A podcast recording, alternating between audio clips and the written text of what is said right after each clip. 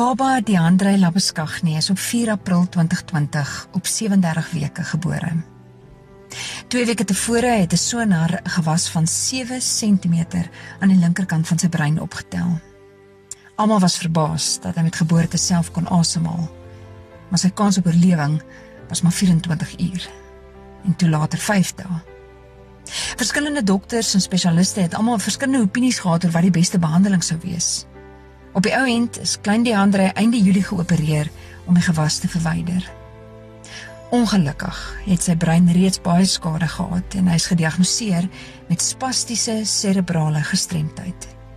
Hy is breinblind en doof, wat beteken sy brein herken nie dit wat hy sien of hoor nie en hy kan ook nog nie emosie wys soos lag en huil nie. Ons het vir mamma Marisel en pappa Leon by die kantore van Renaissance SA Rating ontmoet waar Marisel se ma Amanda en sussie Monique werk, asook Annelies van der Berg wat vir ons die e-pos gestuur het. Al lê daar nog 'n lang pad vir hulle gesin voor, stap hulle elke dag in geloof en saam met 'n ongelooflike groot familie. Marisel en Leon, ehm um, nog voor Baba Deandre se geboorte het die het die dokter eintlik vir jou soos ek wil sê drie skokkende opsies gegee. En vir julle was dit eintlik 'n maklike besluit. Nee, ook toe hulle sê met sy geboorte hoeveel moet ons veg vir sy lewe het jy gesê wel ja. soveel as wat moontlik is. Tot en met die Here besluit dis dis verby. Ja. En hy moeg is om te beklei en tot vandag te beklei nog nooit. Leon dit dit voel vir my nou 'n uh, 'n op en af reis. Ehm um, hoe word julle twee stil om uiteindelik te besluit wat julle as ma en pa voel die beste is vir julle vir julle seun? Besluit ons gaan maar as ver as dit kom. Die besluit is ons raak hier daar stil om 'n besluit te neem nie. Dit is agter my een volgende besluite wat heeltyd geneem moet word so. Ons probeer maar die beste besluite heeltyd neem vir hom. En ja. Hoe raak dit waardeur ehm um, die ander gaan julle ander seentjie en julle gesin in die in die dag tot dag ritme van 'n gesin om om na 'n kindjie om te sien wat wat nou sekere uitdagings het. Ons het die geloof en ons het uh, die oog op wat die Here kan doen in terme van 'n wonderwerk, maar hoe hoe raak dit julle gesin in sy sy dag tot dag versorging? Wat wat behels dit? Ag sy boetie is baie lief vir hom. Ek dink ons geseënd, hy's glad nie jaloers op sy boetie as ek moet oefen dan aanvaar hy dit. En ek my ma, my ma so baie. So die vir my ma, my sissies was nie. So ek het dit gemaak het nie. Ek um, ek gaan sommer vir ouma, ouma Amanda wat nou vir die ander vashou. Ehm um, Dit is dis 'n ma se hart vir haar kind en dis ook jou hart vir jou kind en jou kleinkind. So net Hoe raak dit julle gesin en en sommer net jou hart vir hierdie klein seentjie? In die begin is dit baie moeilik. Ons het nie weet wat om te verwag nie. Maar nou laat ons weet wat is sy toekomswoorde, hoe ons kan hom help. Gaan dit beter en dit raak ons makliker om elke dag met hom te werk ook. En ek sal hulle nooit nooit los nie. Ek is altyd daar vir almal. Wat dink jy is die beste manier wat 'n mens hulle kan ondersteun? Hoe help 'n mens? Ons is elke dag daar vir hulle. Elke dag hulle kan klop aan my deur 24/7. Elke dag, ons is elke dag om heerlik om sien hoe beter vir ons. En sy het baie goeie twee sissies wat op by staan. En ons is 'n regtige gehegte egte familie wat saam met mekaar die hele pad gaan stap. Ons sal haar nooit los nie.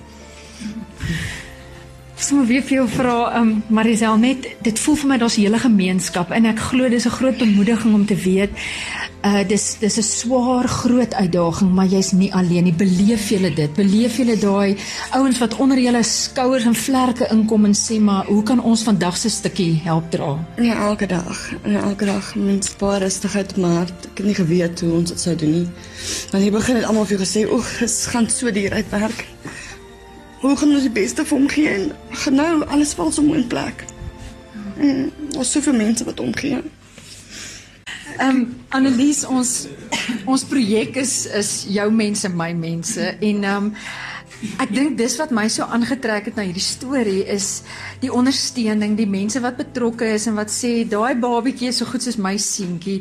Ehm um, jy het vir ons 'n e-pos gestuur en hoekom het jy gevoel jy wil namens hierdie gesin uitreik en hulle boodskap deel en meer mense betrokke kry?